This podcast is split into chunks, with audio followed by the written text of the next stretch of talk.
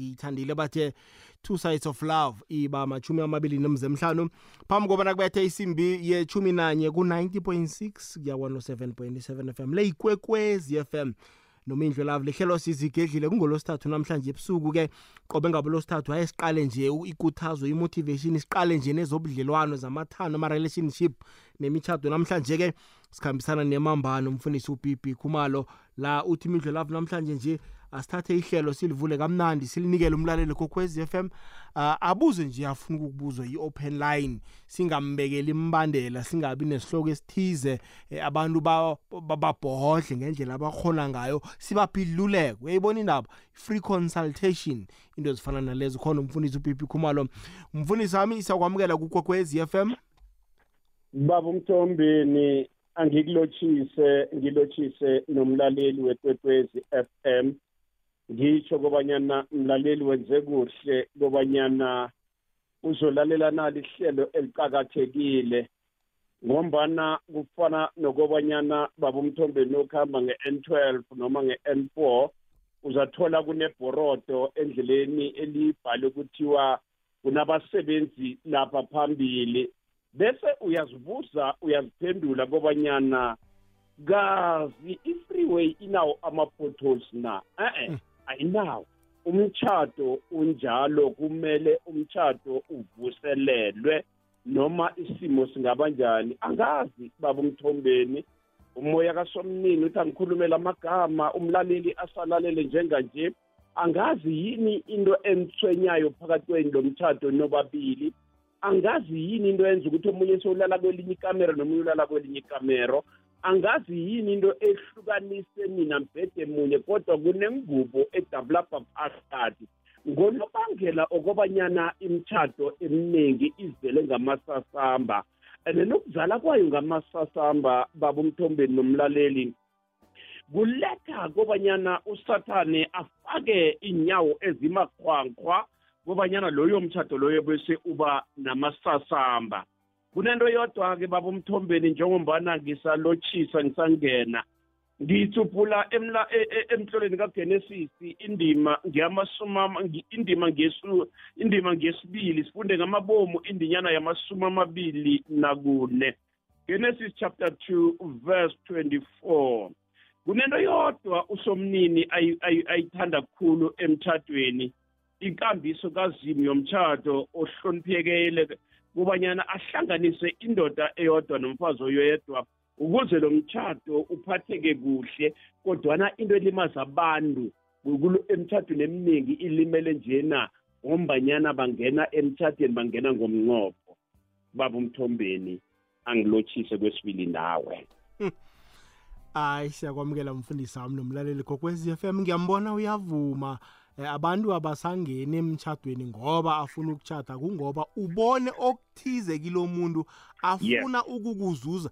And alibale bona into zomhlaba ngezomhlaba ziyaphela ziyachabalala uyokubona enzeni uyokusala esihlengeleleni sele lento ayibonile oseyingasekho baba mthombeni into elimaze imitshato eminingi kulahleke nenkonzo yokobanyana umuntu athembeke emtchadweni lalela babamthombeni yazi kunesika esenziwa ngabantu basephasini abantu banganeno athi umuntu lesikhathi ubujamo obungasimnandi ngapha ngikhaya athi uyakhamba uyokulola uyokulola ipensela eh eh lesikhathi nolola ipensela umorosa izinto zonke zingakhambi ngendlela enye. Hayi baba umthombeni bowazi ukuthi kusasa ngiyakhula na? Sengilibala ukwazi. No bengingakwazi mfundisi wami. Hayi ilangelihle lamabeletho. Eh kusasa mfundisi wami ukhulele phezulu ukhulele nomlaleli nomndeni akho uzimo asibekele wena. Baba umthombeni ngiyathokoza kuthiwa umuntu ufana umthokoze asaphila. Ngikhumbula isheledi yala enkonzweni umama lubheka obizwa ngokuthiwa ngumama kalayoni. Wathi umfundisi ukuze simthokoze. Uthe elidise wakhulumisa into le nala siye wayenza. Wanikeza oyedwa noyedwa noyedwa oyilunga lenkonzo ye-NCCA envelope wathi uzofaka lokho okufisayo uthokoze. Manje kumele wazi ukuthi emhlabeni lento oyenzayo kumele uthokozwe nemtshado kumele ithokozwe neyisahleli ngombanyana usathana uyalwa. Uyabona eh baba umthombeni imtshado namuhla yazala ngamasasamba? Ngombanyana kulahlekeni na kulahleke inkonzo yokuthembana.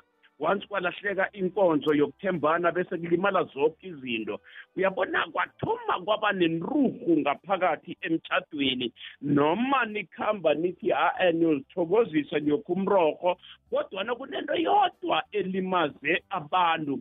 Bese lento lena ihlala iyisilonda siyabhibhidla.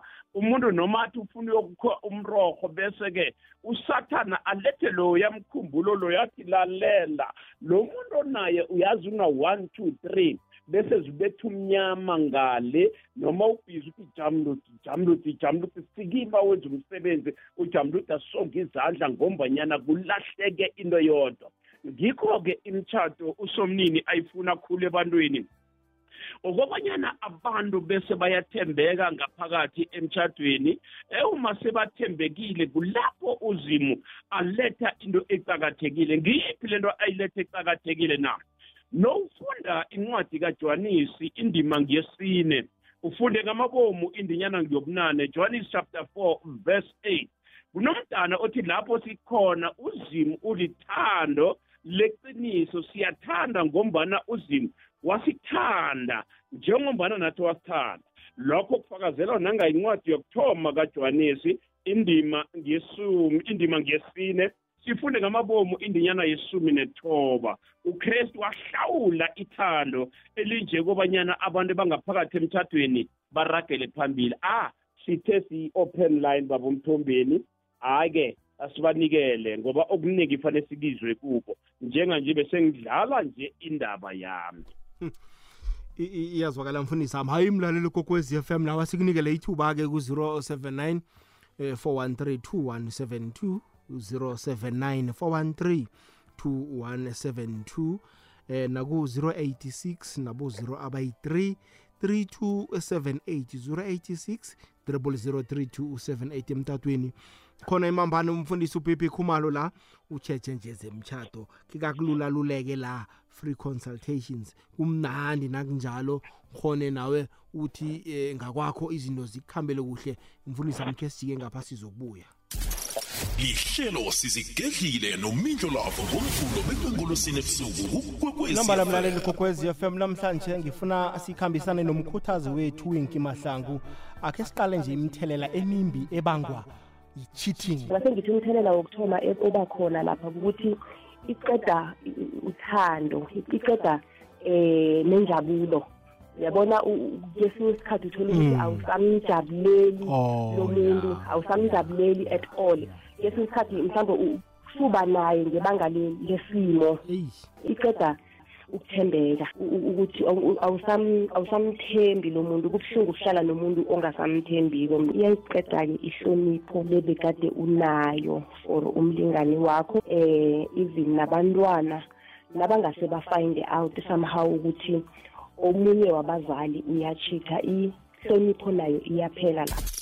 Lihlelo sizigedlile nomindlo lavo ngomvulo bekwengolosini ebusuku kukwekwezi fm nambala leyigogwez fm kukhanya ba 18 minutes to 11 mfundisi amvele ngifuna sithathe leli thuba silinikele umlaleli gogwez fm aphawule ngendlela afuna uphawula ngayo?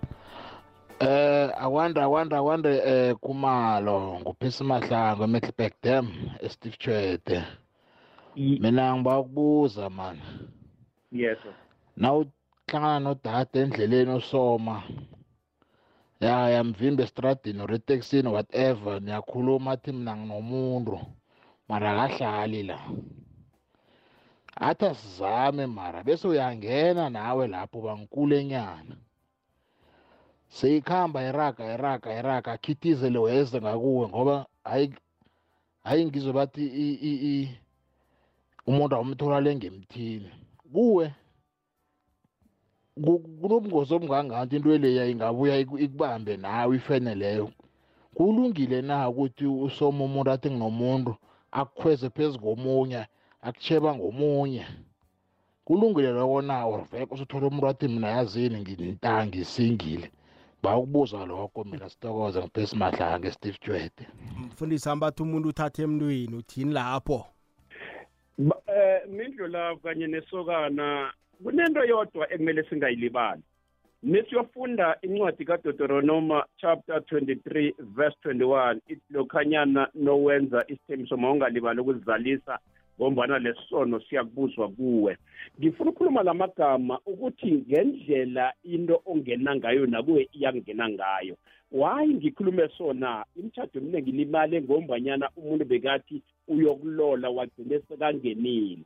That's why-ke incwadi i- i- yo- yesibili yamakhosi isahluko 19 verse 31 30 33 to 34 ithi ngendlela eyangena ngayo indlela eyakuphuma ngayo. Nakuwe kuyakwenzeka lokho. Aku- a- akulunganga total akulunganga. Akunasidingo sokuthi umuntu eh angafuna ukuthi a- a- abethwe ngapha nangapha. No!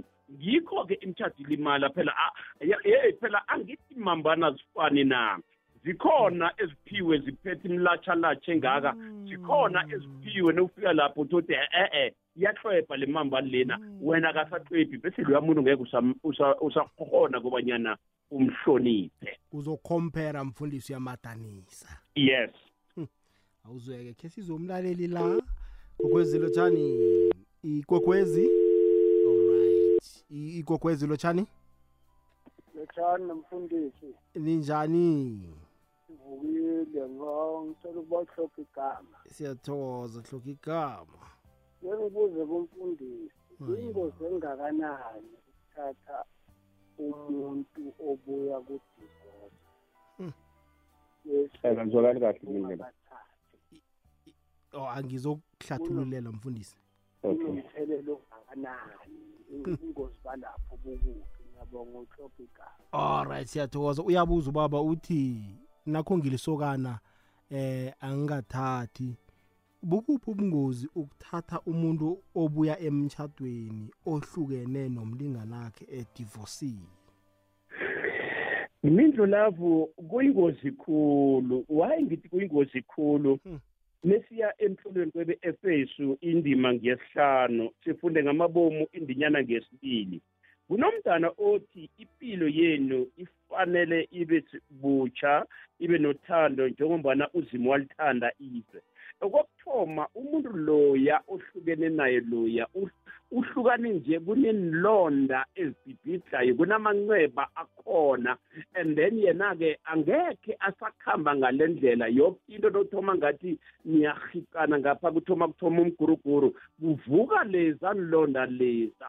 Kuhle kobanyana uthole yakho uthome yakho ifonditshini kuhle. Hhayi u- uyongena nomuntu sekahlulekile phambili e-e akuvumelekile ngombanyana thina singema- singama-afrika. Lokhanyana bekuthiwa-ke umntwa umra- umfazi noma uyithari mawungamthathi ngombanyana sekanabantwana wena unamntwana nowungena lapha sowulimele thoma yakho impilo ibe yitsha ukuze uragele phambili. Yileyo-ke ingozi kakhulu nendlu lapho kuhle ukuthi neyithuthuthi nawe ngapha uphelele endleleni naye waphelela endleleni senihlangana nobabili niyazi ukuthi impilo le ningayiragela phambili. Mara-ke omunye uthoti uyakhona wabuya nenrambo ekuthezeni Hmm. wena nawe uzoba semrarweni. Iyazwakala mfundisi. Ami gukwezi lotshani. Hallo kunjani? Siyaphela njani? Siyathokoza makho sonke enyandeni. Yebo. Maye mara. Eh cha. Bengicela ukuba nembuzo nje emibili kubaba Mm. umfundisi. Hmm. eh umbuzo wami wokuqala wokuthi mhlawumbe njengabafundisi ngabe kukhona lapha mhlawumbe oke kwenzeke khona ukuthi kakhulukazi njengabomama abasonta asuke besesontweni ukuthi babafundise? ng- ngendlela yok- yokuthi uma esekhaya umphatha kanjani umyeni wakhe especially ma umyeni wakhe ungasiyo umuntu oya esontweni Ngi- ngibuziswa ukuthi ngoba kwesinye isikhathi uthola umama ekhaya umuntu osihamba phambili umfundisi utsho Mm. ubaba unama-plans athile Mm. bevumelane nomama kodwa mase kufika sesikhathi sethi umama hayi umfundisi usethe kwenzeka ukuthi Mm. baba ngeke ngisakhona ukuya lapho ake ngiphuthume kwamfundisi Mm. bese kuphenduka aba abangobaba uthi othi ubaba kasondi usegcina usezonda umfundisi Mm. ukuthi njalo umfundisi ufunela umngami athi umngami uyakhohlwa ukuthi mina ngikhona ekhaya ukuthi mhlawumbe njengabafundisi khona lapha ke bekwazi uku- uku- ukukhombisa omama ukuthi ubaba ekhaya ubaluleke kanjani umfundisi ubaluleke kanjani? Ngoba ekugcineni kugcina ngase ngathi abafundisi bathatha indawo yobaba bese bejika abafundisi sebengathi abantu ababi. Mm. ngicela nje umfundisi a- akakazivezele lapho singamadoda. Ah, Ngiyabonga. siyathokoza makhosonke. Umakhosonke ubuza umbuzo obalulekileko la mfundisi. Angekhe salibalekela iqiniso mindlulavu. Leko kuqakathekile kobanyana emasondweni kumele sibafundise. Uya- uyabona into elimaze khulu? If umfundisi ungumdosi phambili ayekela uzenza uzimo wasephasini.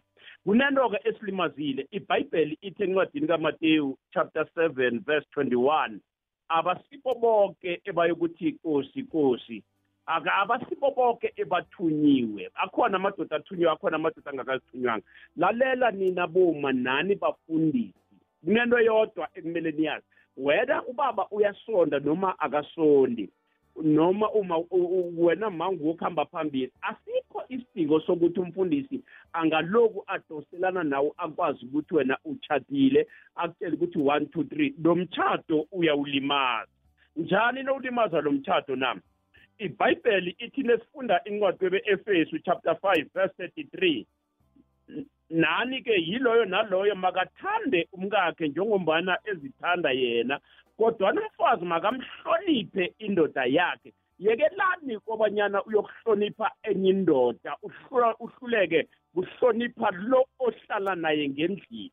Asiyekeleni bafundisi imithado eminingi limele ngombanyana la emasondweni sibalimaza nje noma uma umama womfundisi alana akasanasithunzi ngonobangela wakho ngombanyana wena uthi wena uthunyiwe kanti wena uzithumile. Irongo kakhulu baba. Ayisebenzi kanjalo. Lezi emtshato noma uchumayela kumele bese uyangenelela kancane. Ufundise aboma ukuthi angajaheli kobanyana achiye indoda ekhaya angakayiphekelanga achiye indoda ekhaya angakayenzelanga nethi unelungelo lokobanyana noma yakuphi akusho ukuthi amtshele ukuthi baba njenganje singiyakuhamba e-e mtshele kusenesikhathi ukuthi baba ungarareki iveke ezayo siya endaweni eso so so so so so le yestafu awayibereki iyazwakala mfundisi.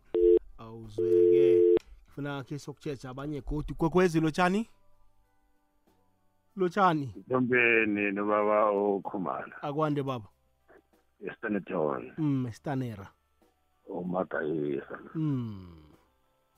Eh umuntu ongazange wa- wa- washonelwa Mm. uyakwazi ukumngena o- oshonele na.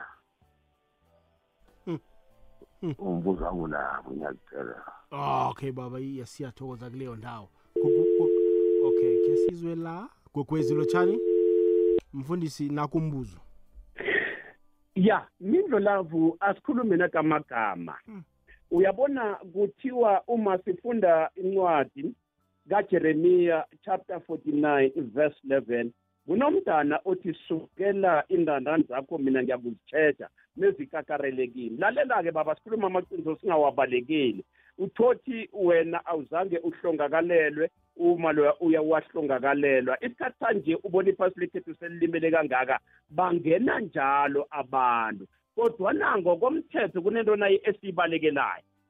Ibhayibheli ithi encwadini yezaga chapter 22 verse 28 isikhonkhwana esidala esathiwa buyihlo ningasisuki kiso lokho ngihlathulula kobanyana lo muntu oye wahlongakalelwa kune kunenhlamagelo noma kunezinto aziselayo zokothela enze yonke into asele en- a- a- namahehetha njalo othele. Uthothi wena awukwenzi lokho. Umunya igazi lakho uvuselela yena abe free kodwa wena okubuhlungu lento iyokudla kumele uthi nongena lapho-ke kumele ulithwale lejogo kobanyana nawe uzangena kumaherhetha nawe yonke into ayenzayo uzayenza. Ah. I- iyazwakala mfundisi wami ngamanye amagama umfundisi uthi okwakhona akukalungi. Eh akulunganga mindlu lapho ohlongakalelwe akangene kohlongakalelwe Hmm. bakhambe ngendlela yinye ethinga eGauteng alright gogwezi? Njani mindlela esikhona kunjani baba? Eh.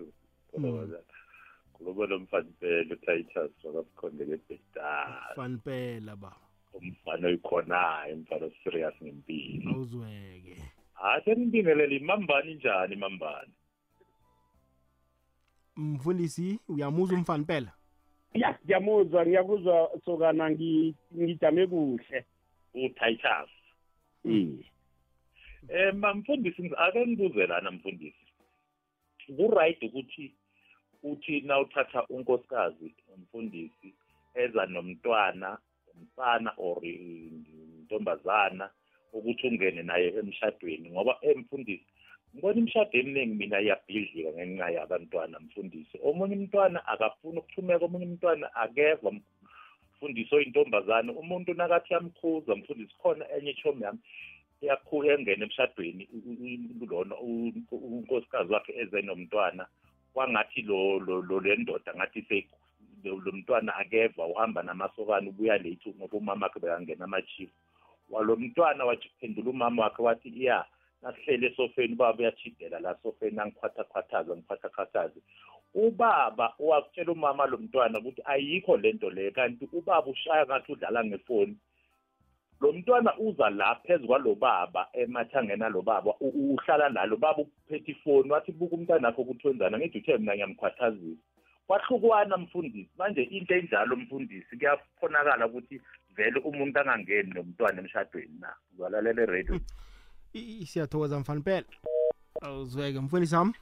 Mindlo lavu angeke salibalekela iqiniso. Ibhayibheli ithi encwadini ka-amosi indima ngesithathu sifunde ngamabomu indinyana yesithathu. Kunomntana othi abantu ababili bangakhamba bobabili bangakavumelananga na? Eh Mm. angekhe bakhambe. Okokuthoma mindlu lavu imitshato eminingi ilimele. Mm. okwesibili abobaba abaningi namuhla abanye bangale ngaphakathi ekhulukuthu badosa iminyaka. Lesikhathi sekuthonywa kurarana ngapha ngendlini ajuguluke uma afake lo mntwana umoya omumbi athi wena ithi ubaba lo wangikata Mm. noma uthothi ubaba vele umkatile omunye kukabili Mm. manje-ke into eqakathekile kudalokha-ke abantu bebathi-ke lesikhathi nongena emtshadweni uzazi ukuthi uphuke idolo. Lo mntwana bekasala nababelethi lapha ekhaya mhlawumbe eze nje sometimes azo- azokuvakasha hhayi ukuthi a- a- a- azohlala nani ngoba the more isikhathi sikhamba akubi mnandi ngaphakathi emtshadweni ngivuma nayo le mambani lena imtshado eminingi ilimele ngombanyana umuntu nakangena la emtshadweni noma ubaba athi uyakhuza umntwana zona i-remote control iphethwe nguye. Anikhoni ukwenza next nofuna ubukela ibanyana banyana yena nayo uzibukelela lokokunye bese isuka lapha athi ubaba lo uyangihlorisa kuhle mlaleli ukuthi ngathani siyakhona ngathani siyakhona ngaphandle kwale ndaba yesasa lena singavumi kobanyana ibhruku lethu langaphasi sinaboma irege lebeseke iyagedla lehle lula size sithole ithorwanyana lokho kungaba kuhle. Iyazwakala khe sizwe la? Hayi mfundisi ngimutloka igama ngapha ngasephola um ngise ngina-five years ngisemtshadweni ubaba wakwami akasakwenzi konke lokho. And then emoyeni ngiphukile yazi angazi ukuthi ngithini. Noma ngilalela ihlelo leli ihliziyo wami ibuhlungu mfundisi ngoba lo baba lo unamehlo amaningi ngaphandle uyaberega nezinto akumele akazenze ngendlini akasazenzi. Angazi yazi ngithini ukuthi ngithini umshadweni wami ngendlela ngingasemnandi ngakho ihliziyo wami ibuhlungu. Angazi ukuthi ngingalelela abantu ngoba anginababa anginama umfundisi? Ya i- i- ibuhlungu leyo ma. Uyabona ngathani kade angalelesi ngaphandle bengizazi ukuthi ke nikhambe niyokuhlolisa ubulwele napho obuhagele ekhulu beswigiri ukuthi mhlambe ngibo. Manje-ke umraro naku-ke eh mendlo lavo kanye nomlaleli wabona waphumela ngaphandle wathi usayokulola. Ah uhlangana nembila zithu- zithutha zidoswa ngemhlophe phambili. Unobangela walokho yini na? Bayakhamba a- bomhlathwedonki nakubomathenyoka kobanyana bazenze ukuthi newuqeda ungena kuye neniqeda ukukha umrorho agangele lento kade nisebenza ngayo le thawula lena ayifake emanzini bese uminya lapha athatha isila. Lothi uyabetha ngaphi la uhlala khona kwakho hhayi zibetha umnyama. Ngonobangela wani na? Ngombanyana uphumile wayokulelela. Lithini ibhayibheli na? Ibhayibheli lithi encwadini kamateyu chapter 6 verse 21 ngo- ngombana iye ikhona ingcebo yakho nesihliziyo yakho iyakuba khona lapho. Nayo-ke into esilimaze thina khulu amadoda kurhalela marko 9 verse 29 sinalo moya wokurhalela. Esingalisa loyo moya loyo kungaba lula. Ma ngibuhlungu khulu and ngibawa kobanyana ungathomi bese-ke ulungisa urongo-wrong wena mthandazise ngombana ngeke kuhlale kunje uzakuhamba bese uyatshayisa ngaphandle. Ngombana okubuhlungizwa namagama ukuthi wena usanababelethi kona kubuhlungu ma kodwa hlala ethembeni bese uba semthandazweni uzima uza kuphendulela don't worry ma. Awubelethwanga ukuthi kuzasolo kumele uyidle right intweni le. Lesikhathi yena kuzafika isikhathi uma sika- sikabethekile ngaphandle azobuya azomunya. Mara fanele nenze sure kobanyana nakabuya-ke ngombana uthila libhisi likhambe khe niyokuhlola udohotere kobanyana kunabulwele na ebungathatha wona bukubeke ebujamini obumbi. I- iyazwakala mfundisi. Ijenajena ke poro isimbi yechumi nanye le ikwekwezi fm kukhanya ba hayi-ke mlaleli ku-079 413 i-open line ngikhamba nemambane. Umfundisi ubibi khumalo lihlelo sizigedlile sitshetshinje zemtshato ngena mlaleli kokwezi fm nawe uzibuzele. Ngiyabingelela mindlolavu nomfundisi namhle ntambama. Mindlolavu ngiba ukubuza la. Umama kwami uthi yena akasangifili ngesikhuwa. Iye bayibeka njalo basho ukufila basho akasangifili. Kwanje ngiba ukubuza umfundisi ukuthi into leyo ibangelwa yini? Noma ngingenza njani? Ngombana mina ngiyamthanda kodwa nje sesihlala sirarana. Ngoba umuntu lo usho kuhle athi yena akasangifili. Nangale emrorhweni ngale eyi ngiwabudisana mana ngiyabawa mfundisi wami ke ningihlahlule ukuthi ngingenza njani ngente njengale ngitokoze ya mfundisi naku umraro umraro maphorotla mindlulavu asiye ebhayibhelini siyofunda incwadi kamateyu chapter 22 verse 12 kunomntana othi mngane ungene njani ungenayo isambatho somtshado na?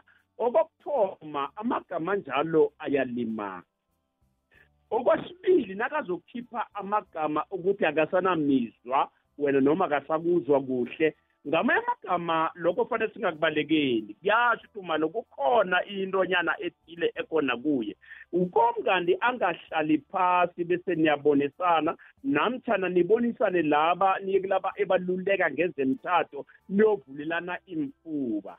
Angazi-ke ubaba aphuma uphumayo njenganje ukuthi mhlambe eza akhulume ngale ndlela akukho la mhlambe uye wamlimaza khona yaze yalimaza nemizwa yakhe. Lezi zinto zikabili. Kodwana uthothi baba akukho lokho okwenzile and then wena usamthanda. Ngifuna ukukhuluma amagama. Inyathelo lishisa umnikazi. Nokufika lawo magama layo noma uthoma uthi okhu umrorho ah kufa yoke into. Yoke into ibuyela phasi. Ba- bomalalelani noma ubaba wakho angalinyazwa bulwele beswigiri ungalenzi iphutha kube namagama amambi aphuma emlonyeni akho ngombana le mambani uyayilimaza. Ngoba kusasa noma ungenzeka uthothi ukhona umbhade ngeqhapha angekhe kuhlale kunje. Yonke into izakuhamba bese ivele etshatshalazini. Uma seyivele etshatshalazini lawo magama layo angekhe uyokuthwala ihlabathi ngesifuba ungakabhadalanga. Ha! I- iyazwakala mfundisi gogwezi lotshani umfundisi nivukile nomindlela siyavuka mama. nivukile kamnandi. Iye siyavuka mama. Sikho- sikhona. Ba umfundisi ngibakubuza uzimu angayifuni kangaka i-divorce? Ithando lokuthomela libuya njani? Ngoba ngilimuka enye into yokuthi abantu abatlhorisako iningi labo noma ngwaba nguma noma ngaba ngubaba. I-divorce yazini kuba yinto enye igameni alikhulunyako kuba ngasithi umuntu ulahla abantu into ezinjalo yesi kumbi. Mara abantu bakhona abalungisi. Sidlula njani lapho babumfundisi uza kulalela emrhatshweni bama njalo ma. Uyamuzwa mfundisi mbuzo? Ngimzwile. Okay mama. Asimphendule? Asiye ebhayibhelini mindlo lapho siyofunda incwadi yezaga chapter 7 verse 17 kunomntana othi ufelani kungasiso isikhathi na? Why sithi ufelani kungasiso isikhathi na? Lalela kunento yodwa thina abantu esiyikhohlwayo ngiyalithanda ibizo lokuthi uzima kafuni kube nesahlukanisi kodwana kunomntana abantu ebawubalekelayo nowufunda incwadi kaDeuteronomy chapter 22 verse 5 kunomntana othi nowumthole enza okuphume ngeqadi noma egade aphinga unelungelo lokubanyana uhlole incwadi bese uyamnikela ngigandelela ngani na ngayincwadi kamshumayeli ngiletha amazwi okuthi yonke into oyenzayo kufanele wazi ukuthi ngelinye lamalanga angekhe uhlale kunje. Kodwana uma wenza izinto ezibuye ngecathi mhlambe ubaba ukwambe embhedeni ma mhlambe ma ubaba ukwambe embhedeni lento le iyokulimaza impilo yakho yonke noma athole kobanyana wena kukhona umuntu o- o- o- ozibetha naye lento iyamlimaza. Uthi umshumayeli 7 again nofunda ivesi ka-17 ithi ufelani kungasiso isikhathi na? Ya akhe sizomunye umlaleli godi lotshani ekwekwezini eh bamfundisi eh nama-producer wonke lapho emhatshweni lotshani. Ngakubuza mani nakuthi uthole umkhamanzi wase ungena umntazana lo wasuba eh wasuba sebantwini ubasidisi wakhamba wayobika indaba ekhaba ukuthi lanjalo mara nawuthi uyambuza ukuthi umlando bawuletha nini? Athi heyi sikasaba nokubuza unina akazi ukuthi funeka enze njani ngoba umakhe uzamthuka ukuthi umlando lo umletha nini. So kufuneke kwenziwe njani manje nakunjalo ngoba i- i- inyanga ezine seziphelile so angazi ukuthi kufuneke kwenziwe njani. Angazi yenziwa njani into leyo? Okay. Asimphendule mfundisi. Asiye encwadini yamagalatiya kwebegalatiya indima yesithandathu sifunde ngamabomu indinyana yesibili. Kunomntana othi thwalisanani imithwalo yenu.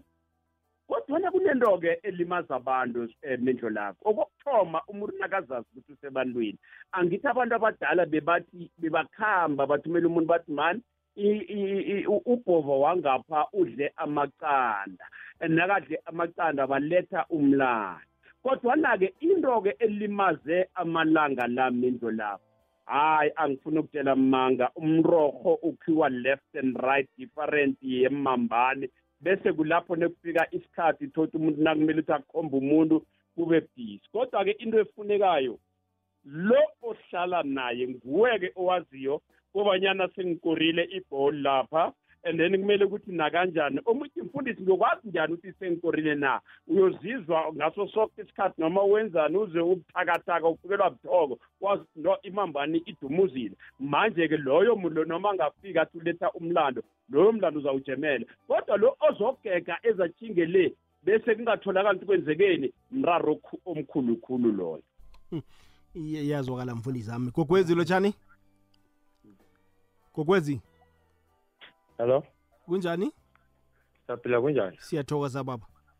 Azivukile la ukhuluma nomondli la emhluzi. Mm mondli. Emehlibheke etukuluku mm eh nginenkinga la. Eh ngihlala nomfazi nami. Mm. maye umfazi lo unokukhamba sikhathi esinye ngingazi ukuthi uye kuphi into leyo siyithini? Hawu umthethe baba.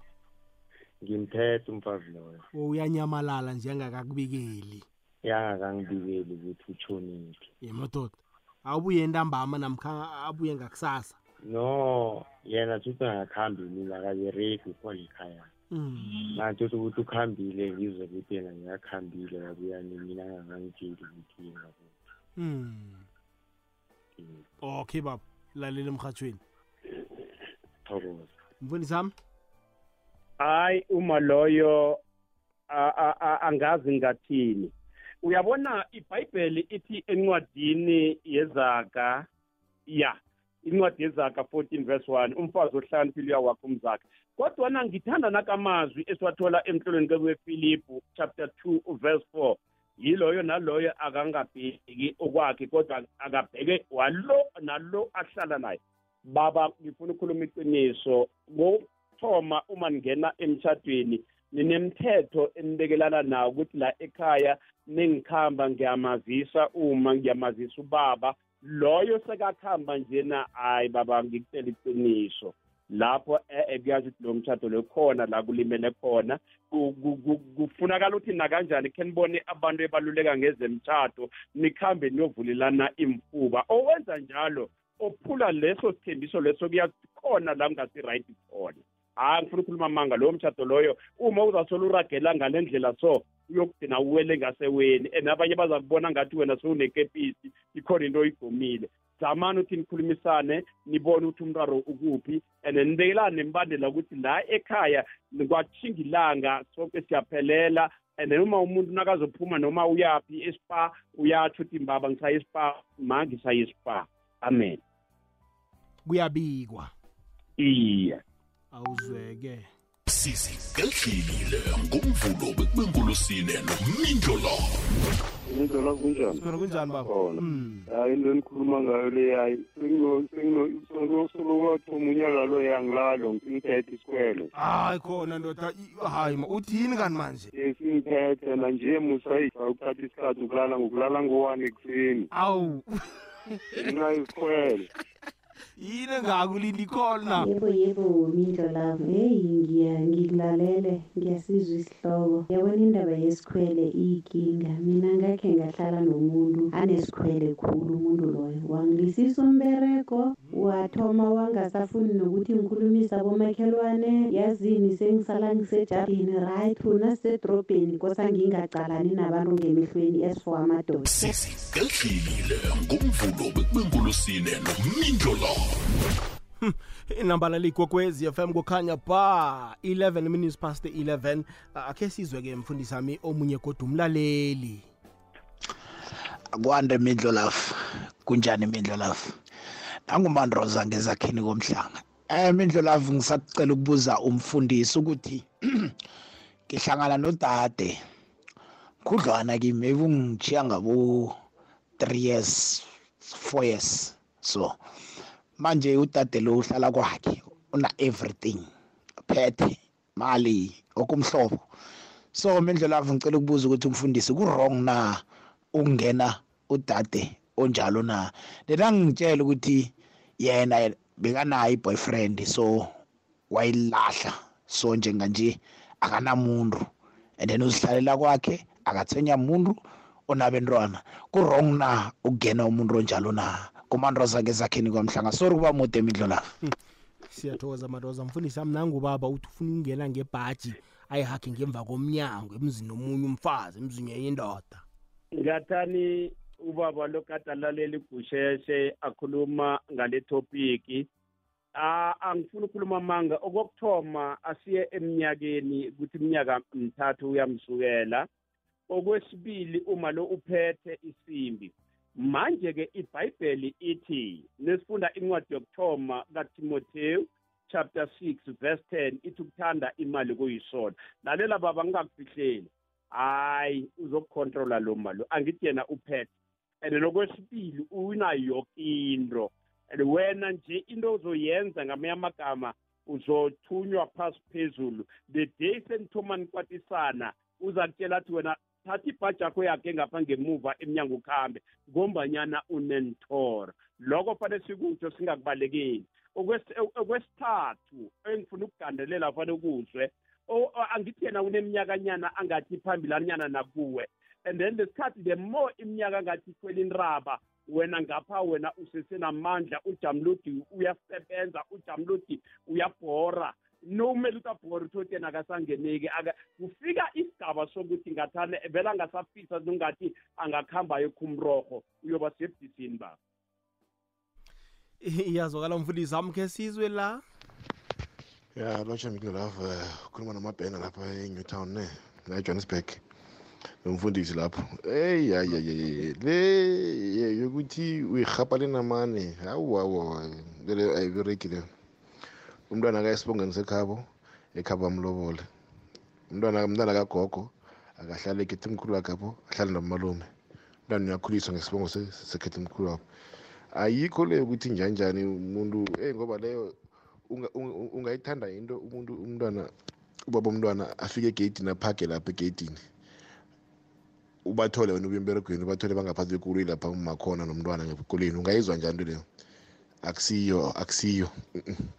Angeze wayijabulela ngekhe awusathi bacocana abantu abalapha nje. Uyayibona? Awa umntwana aka- aka- akaye direct ahlale nogogo wakhe or alotshole vele ahlale kuthi mkhulu wakhe. Injalo. Yayizise ya mntwana mntwana umntwana mntwana kagogo.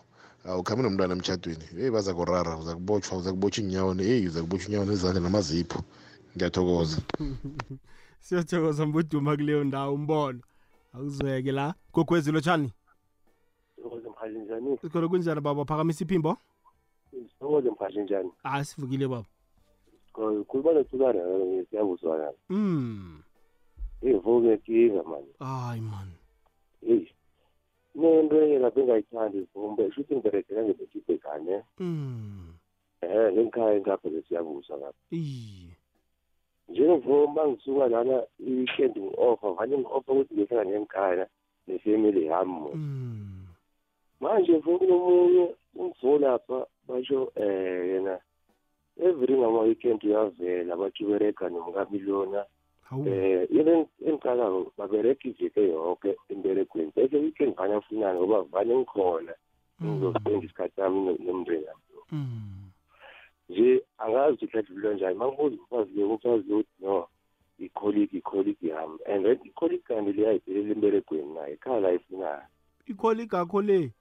Eh iza ka iza kwakho. Izwa kami ngifona and mina vane ngize ekhaya ngithi ngizospenda isikhathi nomndeni wami yindoda ikholigi le yindoda mfo yindoda. Angazi ihlathulule njani ma ngikhuluma nomfazi lona uthi yena no baberega koke ngithi mina iveke yoke ngiberega noke mara nange-weekend nihleza njani hleza la sami isikhathi ngisitholanga mina Mm, mm, mm. Yang- yangirhabhudla mfo yangirhabhudla ngithathululana lempisi okay baba. lalela emhathweni emfundisi nasi indaba iba yikulu la? Ya uh, mindlo lavo okubuhlungu okukhulu indaba ye-colleagues leyo ingozi kakhulu ukuthi right eze ngapha. Ngombana lento lena igcina iba yisilonda igcine ikulimaze. Uyayizwa le mamba noma ikhuluma kobanyana kukhona la ilimele. atheke khona. Mm, ulimele asiye ebhayibheleni-ke siyofunda incwadi kwebegalatiya chapter 5 verse 16 kunomntana engiwuthanda kakhulu ithi masikhambe ngomoya owanelisayo thina hayi inkanuko zephasi. Ngombanyana ngelinye lamalanga kuyokugcine yonke into ngoba akukho okufihliwe ngekhe kwavela ekugcineni kuyogcine kuvela. Mina ngibawa wena wena oberegana na- osemisana noma loyo ungalezi nawe olalele njenganje ungasole ugidge emi- e- emzini abantu. Wena ongubaba bathi uyakuma loya ngoba nibereka ne-two uyawulimaza lo mtshato lona. And uma sowulimaza lo mtshato lona ngifuna ukutshela iqiniso ukuthi angekhe uyokuthwala ihlabathi ngesifuba yonke into ingakavelanga. Boma thembekani nani? Yekela solo uza lapha batsho lo uzokuvakatshela ukuvakatshela ini? Kuhle nokuvakatshelwa indoda nendoda nokuvakatshelwa mfazi nomfazi. Hhayi le nto leyo ubhule lo mlilo yo baba unelungelo kusemzini akho mtshele ukuthi mani ngiba nibonane le mberegweni hhayi la kwakuphumana ah. Khona mfundisi uzizwa njani uyindoda uvakatshela umfazi wenye indoda? Nophuma lapha kuthini kuwe mindlu lapho solingenile batsho nidijile Ama- amehlo aqalile hayi khona. Hawa urong nkulu baba loyo. Hayi khona mfundisi wami. Mm-mm. Um, ubaba wesiyabuso uza kuthatha inomboro akhulume nomfundisi ngehohomejeni nibonisana ubaba lo ulimele mfundisi. Ngiyabuzwa noma ikhuluma le mambani ngwale khethu esiyabuza ke sizwe la msinyazana. Igogwezi lotshani lotshani kwekwezeni njani? Isivukile njani ma? Ngivukile ngiba ungazitsho ukuthi ngibani? Mindlolavu Mm. ngiba ukubuza ne? Mm. nawungumama ohlala nobaba okhowalalela mfazi and then Mm. athi unabafazi abanye abayithumara ohlukene nabo. And then nijwayeleni ukufonelana nebusuku nicoce kube mnandi and then kwesinye isikhathi athi awa namhlanje ungangifoneli ngiyokulala nomnakwethu. Yinto enjani leyo ungachubeka uhlale lapho futhutha na? Hawu athi ungamdoseli yokulala nomna kwabo. Mm. imadoda uzokulalela emhathweni mama? Okay. Alright imfundisi nasi indaba iba yikulu nami iyangirara la. Hayi minto lapho ungarareki la ifike emhlonjeni lalela ma. Lapho nginguwe mina ngaphuma ngigijima ayikho yonke lento leyo. Ed indlela nje yena abereka ngayo. Asithi-ke siye ebhayibheleni. Uma sifunda incwadi yokuthoma kwebekorinte chapter 7 verse 3 indoda ayaneliswe umkayo oyedwa ukuze ithokoze ngaye.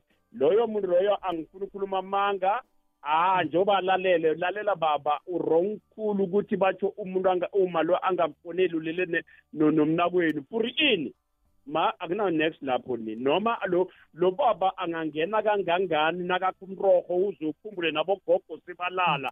Khohlwa kuyadlalwa lapho. Net la kuwe njena usula ned umlomo. Khona naka nakathi ulele nomnakwabo. Ulele nomunye umnakwabo ofana nawe wengubo. Wayifihle ibhayibheli lithi masilikhuluma iqiniso. Izakha 23 verse 23 ithi thenga iqiniso singathengisi nalo. Ayikho yonke lento le ma. Awumfundisi u- u- u- uphelelwa buthongo ngendaba yalo baba loyo lo baba loyo e-e uyizwile musi ubetha ngapha nangapha. Mfundisi nawe wadela itswayo esilondeni. E-e mindlo lapho lana ngijamela iqiniso. Fanele ngilikhulume iqiniso. Ayikho lento leyo mindlo lapho alright mfundisi iyazwakala. Emthonjeni welwazi nokusheshi Lokela nomuntu nomuntu. Ngufihliwe. Uhlaleleni. esikhathini esiningi i-boyfriend yami ibikhethu bese lo ngiyakhululeka nje uma ngicoca naye Nasikhamba nepilo nje. Fanele sizicoce izinto ezenzekayo. Ziyenzeka. mina ngathi bona ngihluleke ngethandweni lami ngayo ukuhlala nomuntu womuntu. Kusheshe into leyo ngakhe ngayenza kucheche nomuntu wakhona bengimazi-ke la ngenye ngikhumula ngihlangana naye endleleni. Wabatsho uyangebantwaneni ngathi awakuhamba kuhle baba. Nangatsho ngiyale emntwini akhe lo. Mara kwaba linye ilanga beza bazongizuma. Wakokoda ngilapho kucheche kwaba kubanyana yo ngakhafula mhlokho sela emthonjeni kukwekwezi fm nambala legwegwezi fm kukhanya ba 22 minutes past 11 sisigedlile ngikhambisana nomfundisi upipi khumalo imambane. Sitshetshe nje zemtshato uphendula imibuzo live. Bunqopha umfundisi ngifuna ke sizwe la.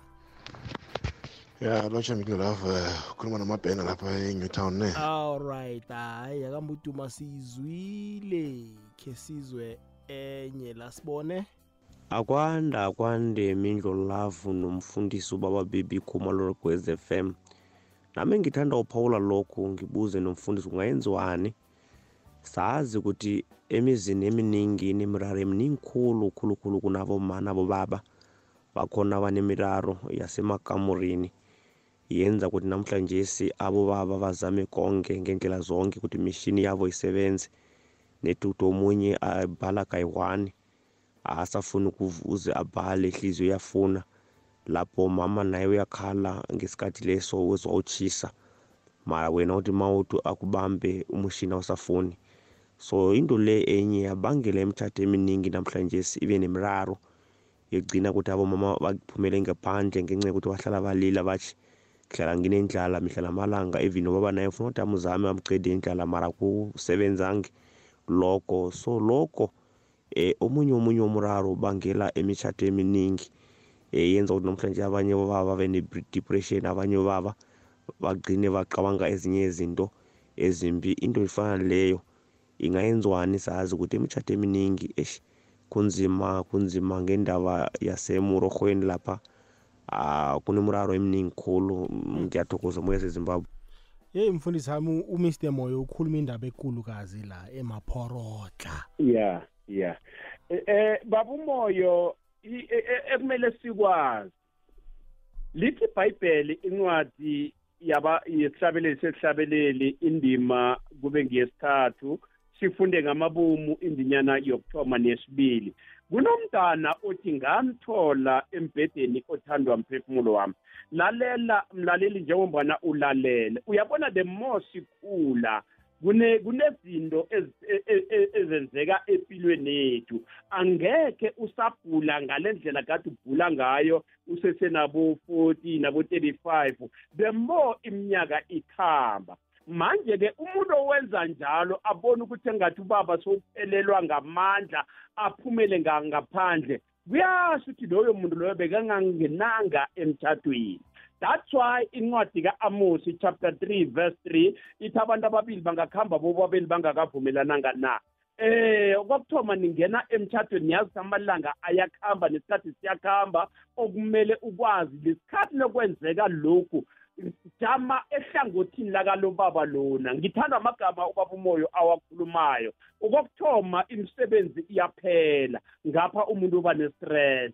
Okwesibili izinto azikhambi kuhle bese zilimaza zonke lento uyabona kwathoma kwalimala umkhumbulo wakho. Umkhumbulo uyathatha ulethe ehliziyweni. Ihliziyo iyathatha isa kujamluti ujamluti uphelela ngamandla. Asibe nokubekezelelana emtshadweni wazi ukuthi lesikhathi lemambane sesengiyo beyibhula kuzwakala ukuthi no iyabhula. Ngize ngitsho ngithi awa baba ngendlela obereka ngayo lona awa mina angisakhoni khumbula leza ngikhathi leza ukuthi lo muntu bekenza nganye indlela. Kodwa ngobulwelwe beswigiri ngobulwelwe bokulahlekelwa mbereko ngikho namuhla sesilobo ujamo lobu. Amen baba umoya hayi baba mfundisi kunjani baba khumalo nomindlo lavo ngiba ukhomenta kancane kumfolo oceda ukuphuma loyo uthi umama kwakhe uthi akanama-feelings. Kubuhlungu kubuhlungu ngiyadabuka uma ngizwa njalo. But angisho ukuthi mhlambe kunjalo. Ngizazi ngami umuntu navane ethe akutshele njalo ukuthi akasakufuni ngoba nami ke yangehlakalela into leyo. Ngilimele kakhulu nami ka- kakhulu hayi kancane. Ngithanda ukuthi kuyingxangxabe kodwa mina ngihlezi emzini wami. Ngiyathokoza baba baba untombeni mfundisi wami? Ke ngithi njengoba uma lo akhuluma ngingezelele ngokuthi noma umuntu akutshele lesikhathi newubhizi ukhumroho athi kanti uceda nini mina ngidiniwe yeyi uyamlimaza lo muntu. Uyamlimaza. Mangingaphumi nelilodwa igama elilo elimbi emlomeni. Igama lokuthi kanti uceda nini mina ngidiniwe ngiphethwe buthongo? ah ngamanye amagama wena usazwakala. Ngamanye amagama bakhona bazwakalayo lokho fanele sikuthathe sikulethe ngakithi. Uma lento se wena thothi wena sokhuluma sokuye uzolimala njengoba loma akhuluma so iyalimaza into efana naleyo amen la Mindlo love bengiba ubuza umfundisi ngapho.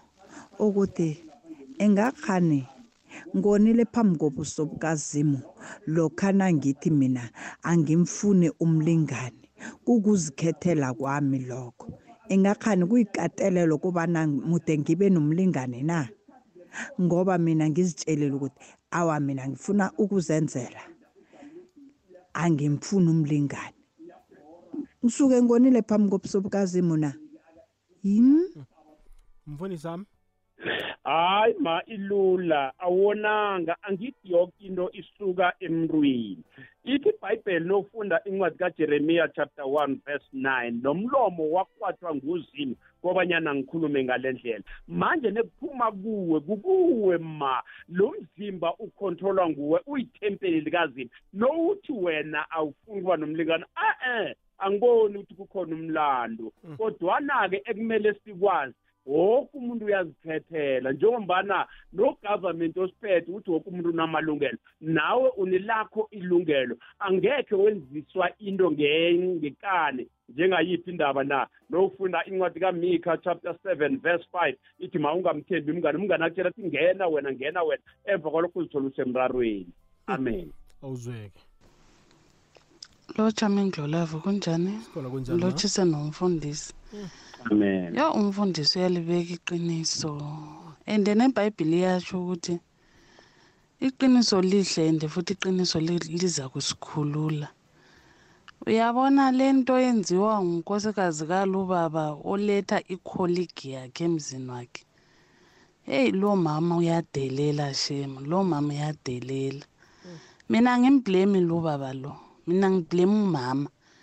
Ungayiletha njani indoda yomunye umuntu emzini wakho emzini wenye indoda ayibomama nathi asizinukeni amakhwapha please ya uma uyakhalima sekhalima imbokotho-ke ngenyama Yes. ke nje Mm. ya nje kukhalima imbokotho ngenyama ke sizwe la lotshani emhathweni baba umthombeni nomfundisi Amen. Eh, umfundisi bengithanda u- anhle ngingathi mbuzo nje bengicela umbono kuwe siyeleliso nginodade engihlala naye la. So bengiplana ukuthi mhlambe ngingamthatha esikhathini esizakwesi. Manje iproblem yami kunobaba umntwana wakhe lana ufona ngesikhathi afuna ngaso nje nakafuna ukufona uyafona ukuthi kusebusuku akacali and then athi ufuna ukukhuluma nomntwana or ukhumbula umntwana. Mara nje kuyacocwa nje. So bengibuza nje mfundisi ukuthi ngokubona kwakho ngokwazi kwakho njengomfundisi omkhulu nje owaziko angekhe ngiphi inkinga nje into le phambili because mina sengihlukumezekile. Ngenze njani? Ngingachubeka ngokuthi ngithathe udade lo or mhlambe ngenze njani mfundisi? Ngiphume kuye nje ngizitholele omunye umuntu ozongihlonipha ngoba khombisa ukuthi akangihloniphi ngendlela engayo. Ngiyathokoza mfundisi ngiza kulalela emhathweni ngujoseph esiyabuso ngise-witbank. Mfundisi wami simphendule. Hayi lula lena. Baba lapho udlala ngesikhathi. Lalela lithini ibhayibheli? Asiye encwadini kaluka chapter 16 verse 18 luka 16 verse 18 ngibawuza umdana lo yiloyo naloyo olahla umkakhe aganwe ngomunye. Loyo muntu uyaphinga angithi bona babe nomntwana. Lesikhathi baceda ukuba nomntwana balahlana. Manje yini unobangela afune nasebusuku bese kuyaxoxwa baba ngibawa uphume uphele ungazifaki emrarweni ungazifaki uze ubanjwe ubulwelwe behliziyo lapho akunamthatho kunesitsho esithandwa ngabantu esithi lakho kuye kwajama khona amanzi bayo- ah, lakho kwa- kwaba khona namanzi aphinda yajama ngamanye amagama kuza kuyokuhamba kwesikhathi kuthiwa siyakuhamba siyokuthengela umntwana. The more bakuhamba endleleni athi uyatshintsha thatha i- isandla esinandathinta thinta ithangeli bese kuvuka leyamizwa leya kuyakhunjuzwana umuphele lapha kuna-next baba ngoba ukungahlonipheki ukungahlonitshwa sekuthomele futhi la thumele futhi imindlo lapho kumele ube mfundisi baba ke sizwe la Eh baba uMntombeni. Akwande. Baba umfundisi lotshana ebusuku kwekwezini. Thanda ukuthi happy birthday in advance kubaba umfundisi. Ah. Akhula ngakhokhobi. amen Nginombuzo naku. Mfundisi ukhuluma ngokuthi indoda fanele ithandane nonkosikazi munye. iye Abafundisi ke ba- babakhona em- emvekeni ezipheleleko abathathu. ababili ba- bakhotha amavesi ebhayibhelini la bakhotha abantu abafana nabo samson ukuthi bebana bakhosikazi amaningi ya angazi ukuthi labo bantu labo imitshato yabo yayimitshato ek- le kukhulunywa ngayo ebhayibhelini na? I-customary marriage yona ingena njani ebhayibhelini? Ngoba uthola umuntu nama- namakhosikazi amabili of amathathu nayo isabusisekile na ngokwebhayibheli? Mbuzo wami esibili kwakhulunywa ngesihloko nasiso ukuthi umuntu utshadile abantu abaningi balobola or babekokuncane abaceda la bakhambe bokusala kwakho umchinari nasekuliwa kubangwa mhlambe impahla yakababa ongasekho. La umalo ende khona bathi umalo zangatshada kodwa isitifiketi sona sikhona esikhombisa ukuthi watshada umtshato loyo nguye osebhayibhelini nawo na?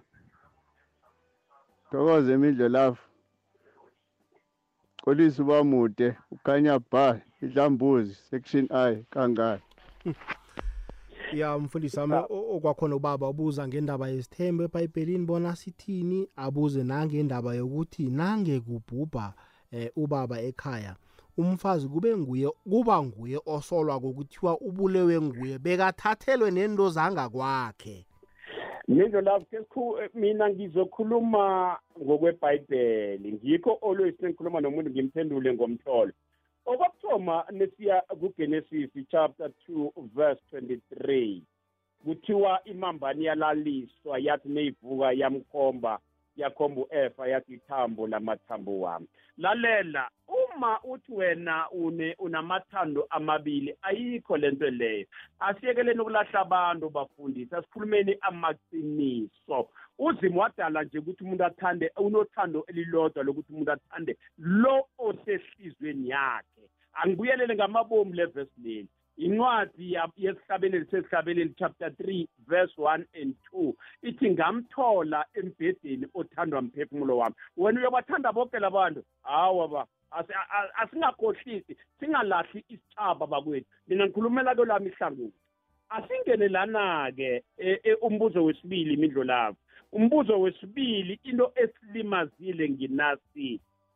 Abantu lesikhathi abantu sebahlangene boyi-two lalela nasebhayibheleni mhlawumbe abantu bebangazi. Ikhona ilobolo ebhayibheleni nofunda incwadi kagenesis chapter 29 uyithome lapha ku-18 yofika ku-29 kuthiwa imambane engu-isaki yasebenza iminyaka elikhomba ikilobola umkayo. Kodwana ngetshudwe elimbi bamfihla. Njengombana wazi lesikhathi nokuthi uyokulobola mindlo lapho baletha babe babili bathi khetha ongunguye lapha. Ngembala leso lapho bebangenzi kanjalo bebamgubizesile wathi mvule. Nakathi wavula wathola oro babuyele emuva. Wathi yena nange engimfunayo wayeubereka noku-forty iminyaka eyikhomba kwaba yi-fourteen years. Manje fanele bazi ukuthi abantu nencwadi yelobolo nayo ikhona la ingena khona ngoba indaba zomtshato angikutshela iqiniso namhlanje sibowungazi indaba zemtshato umbathi irogo elimhlophe kuzijabulisa nethi abantu bakubone ukuthi utshadile ngokomthetho la sisuka khona kuzaka 22 verse 28 isikhonkhwane esidala sathiwa boyihlo bebang- bebakuhamba bokulobolana kuthenge kuthelwe inyongo kuhlukaniswe ngayo yonke into umbathiswe ne- ne- ne- ne- ne- ne- ne- nomtsurhwana lapho seyitshayile. Ah! Iyazwakala mfundisi amke sizwe la msinyazana. Lotshani mindlolo ya man eh yazi into enye ibulala into ezinjengalezini imitshato yini nangaphandle komtshato mindlolava abantu bakuhamba balala konke nje. Namhlanje utshatile umfazi ulala ulala naye. Uyakuhamba ukere omunye erenkeni ulala naye. Amabhadi la uyawakhela bese yawathatha wasa kuphi umkakho lokuhlala nani? Into le iyakhula. Iyakhula uba nebhadi lebhadi elikhulu libe likudumuze likudumuze lapha nje kuphela. U- u- ucabangani wena uyindoda? Or ucabangani umfazi? Abantu nakuthi maybe uya- uyazeba. Kumele uhlambe ngenhlahla canze before maybe nge- ngetswayi uhlambe ngetswayi ukuthi ukhiphe ibhadi before ulala nani? Nomkakho loyo ngoba manje si- uzomfakela amabhadi. Um sis into enjalo is very important abantu abayazi leyo. Mara nakuthi uyazeba yeba nomamncane nomamkhulu kumele uhlambe uhlambe ngasamething nyana uhlambe ngetswayi ngani nani uhlambe ukwazi ukhipha ibhadi le before uya ungena bani ungena omunye lo. Manje wena niyatshentshana ngapha niya- nitshentshana imijuluko lela ngapha ungene lo ungene lo ungene lo. Ye ye ye ye very kinga ye is a very problem. Uh, njengalabantu abantu ababereka endleleni aba abantu ababereka endleleni abana batsho maybe kunendlela ebayenza ngakhona mara. Eyi ikinga yokugcina ngoba ngicabanga ukuthi abantu abangaka aba- ababafik- ababafikelako baze kibo lapha bakuhambe babele ema- emzini abo balala nabafazi babo. Yabona ukuthi into enjalo leyo kumele bayicaphele into enjalo leyo. Abantu kumele bahlambe ngetswayi i-grof salt uh, before nabathi bayamotsha bayaganga ngaphandle kumele bahlambe ngetswayi i-grof salt. Angiyipromote into enjalo kodwa mara i-grof salt iyahle uhlamba ngayo. Ngiyathokoza. Ya no ya mfundisi ami ke sithathe nangokugcina kokwezi? Kokwezi? Your call has been placed on hold. Please ya mfundisi ami umlalelo o- oqeda ukukhuluma nje ukhulumisa iphuzu eliqakathekileko indaba yokuhamba ulala konke nje uthatha zonke ikhwakhwalala uzisa ngakwakho zithi sele zakhelene umtshado uphele. Mizo lavo ubaba uqeda ukukhuluma lo uyabona ukhuluma iqiniso ngekhe salibalekela. Incwadi kajohanesi 8 verse 31 to 32 ithi iqiniso ngilo liyakusijabulula Eh, u- uyabona ukuhamba ubhambalala ngiye ngathi imidlo lavo nengidlala indaba yami ngathi mina upambalala nje umuntu loya ugijimana nabo umhlaphedonki and then na wena nokungena lapha sowuqedile ukubamba kuwe ngalo mjuluko ngale thawula eniyiberegisayo. Ngombanyana le nto yokwenzani? Ezokuthi nofika lapha kulo mfazi loya wakho ube nesikhwakhwalala umphelele nehliziyo siphila esikhathini sokubolekwa. Lesikhathi nowuthe manje sowuthatha isifundo sokobanyana ngifuna ukuthi ngibe nalo wakwami ngena nalo wakwakho akuthi lesikhathi nowubhizi ukhumroho ha uzwe ukuthi ukhani wakwakho. And then wakuhamba ungena uqinisile baba lo uyalimala. That's why imishado eminingi izile ngamasasamba. That's why imishado eminingi omunye ezakutshela athi sengihleli kulo mthatho sengihlelela abantwana kodwana kusanamthatho ngonobangela wani na? Wamehlo amaningi amehlo amaningi awulimazile umthatho ngikhuluma njenganje kusasa ekuseni abanye bavukela le makhotho lena ngendaba yesahlukaniso ngonobangela wani? Nganumber three unumber three. Bayaganga basebenzisa inhlahla bayaganga benza yoke imikhiba sekuganga nabobaba. Athi nakangena kuloma loyo akuhamba ayokwenza lemlingo yabo loma abona ngathi izulu liyavuleka nobaba nakakha umrorho ammemeza athi ngiyathoma ukubona into enje emsipha empilweni nami. Kanti akazenzi wenziwa ile nto leni uyakhumbula kusakhulwa mindlu lakho imambane bethi imambane ezengethi ziyapatana enisela zokuthenga yonke into ziyithenga zidle ngeke ngayipromote emoyeni. Ukuthi nakafika lapha athi hawu jamntu udawulali namuhla kuyokutha siqalile. Ekugcineni lento leyo iyakumorosa mindlu lapho alright hayi-ke iba mashumi amabili mzuzu. Phambi kobana kubethe isimbi yeshumi nambili ke sithathela wokugcina ukwezi? Yindlu lami njani? Sikhona kunjani ba hawu khona santokozi celebrate mathemziwu ubikelele nobaba umfundisi ya siva- sivalela yona. Sivalela yona sontokozo ya eh ngifuna abantu baphaphame njene ngiyabaphaphamisa bavuke emaqandini abodade laba. Abobababa kusho ukuthi unomntwana hathi asinabantwana ngaphandle. Umntwana umthengela ifoni ipopotwana engeyakhe ozokhontakthana nobaba lo wakhe. Wena umama lo umama akasangeni endabeni zokukhuluma nobaba umntwana umama umntwana kunye nobaba umntwana umntwana uyazikhulumela ukuthi baba ngikhuluma nawe one two three. Umntwana uma kube kunjalo kumele athengele ifoni wabo three years four years. Kuze kungabi nerakuraku phakathi kwabantu ababili laba abah- abahlala boyi-two abaningi aba- abayicabange namhla ukuthoma kusasa nje ukuze bangasahlangani nendaba zokukhuluma nabentwana nobaba nabentwana amathengile abentwana ifoni manje sontokozo eh as asivangavanganisa umntwana na? Basho ukukhuluma nobaba omunye efonini naqeda godu uyokukhuluma nami ngingubaba ukuthini emntwaneni ehloko? Akahlangahlangani ukuyokulalela muphi umthetho? obvious uzabazi ukuthi no asingibabakhe ngithi. Angeke vele samsearch ukuthi ngibabakhe ngekani ingasingibabakhe ubaba umntwana mntana khulume nomntwana. Umama umntwana akathengele umntwana ifoni ukubaba umntwana akathengele umntwana ifoni. Yabo thina ngivele akithi akikutheni ngendaba kabatsho. Mina nginomntwana engikhuluma naye wami wangaphandle. Ngikhuluma naye kuphela ngefoni naye mafuna ungifonele ngifonela ngefoni le yona le ngiyaziko le kuphela. Inkinga ngekhe zibe khona. Mara basola bathi ngizosola ukuthi ngifuna ukukhuluma nomama ne-ex umama umntwana engahlukana naye yinto ezenzithi abantu abaningi kanti kanti sontokozo kubhalaphi ukuthi nawufuna ukubona umntwana lo ukuhambe uye ekhaba omkhulu yokukhuluma nabo manakhe officially ngoba nazokusoloko umntwana lo u- ukhumbula ungaphasi kwesandla sami.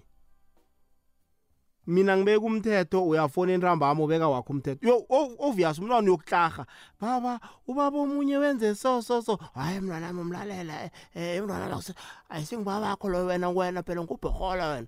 Uyayibona indaba? Kubhalaphi ukuthi mhlambe umntwana eh ku- ukhulume nabomanakhe ekhaba omkhulu nabomalumakhe nge-weekend ni-organize umntwana akuhamba uyokuhlangana naye. Awuhlangahlanganisa om- eh, omunye umuzi wenye indoda Hayi, awu- angihlakanisi Alright. mntwana lona nginomntwana ngimthengela ifoni siyacontaktana Alright. ithengela lapho. Ah mani ngiyathokoza sontokoza awuzeke mfundisi wami asizame ukuyivala. Mindlelavu ngiyathokoza.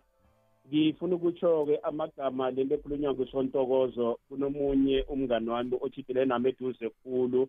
Bekangazi ukuthi kanti umntwana lo uma lo zangamtshele ref ukuthi mntwana akhe wamthengela ifoni. Lesikhathi lo baba nakafona wathi hayi ngikhuluma nobani? Wathi kanti awusangazi na? Wathi wo bengithi ngikhuluma nobaba mngani nguwe. Wadrobha ifoni yingozi into leyo. Mindlo lavu ngingalenzi iphutha ngithe nengise-ofisi ubaba uthami mufukeni wathi ye ungalenzi iphutha ngibawa nophume emoyeni bese uyangilotshisa. Baba umfukeni uyangiyakulotshisa-ke njengoba ngishilo ukuthi sabe sihamba nomendo lapho lapho eh, ubaba umfukeni bowatsho nescan number wathi it's 1993 ah mambani uyayithanda ikwekwezi FM sesivala indaba yethu bakwethu asihlonipheni imitshato boma yekelani ukuthi lesikhathi ubaba ujamule ukuthi angasasebenza ukhambe uyokukhuluma uyomkhuluma kumbi ebangani bakho. Angeke ngakubiza ukuthi unguma ngakubiza ukuthi ngusingi- ngusingama. Baba asiyekelele ukuthi noma uma akatarelwe iswigiri uthotha akasa- akasazizwa kahle bese wena umeca ngaphambili uyangenye indlela. Ishwile imambani yathi-ke uthatha amabhadi wokwaletha lapha. Lalela-ke mlaleli uyangithola kule nomboro ethi 072 25 90 753 asiyibuyelele ngamabomu. 072 90 eh, 25 90753 nge-whatsapp leyo ungathumela nomlayezo for i-whatsapp. And then ungangithola ku-email small letter pastor bb at pastor b dot khumalo at gmail dot ngiyathokoza mindlo lavo inkosi kubusise kanye nomlaleli wekwekwezi FM amen. Ah mfundisi wami sitokuze ukhulu kwamambala isikhathi sakho namhlanje nokuphandlulula umlaleli kokwezi FM sikufisela ichudu eh elangeni lakusasa eh, ngelanga lakho lamabeletho. Imindlu lavo ngiyazithokozela ngiyazehlisa mina kuphakamisa amen. Uzeke thokozile mfundisi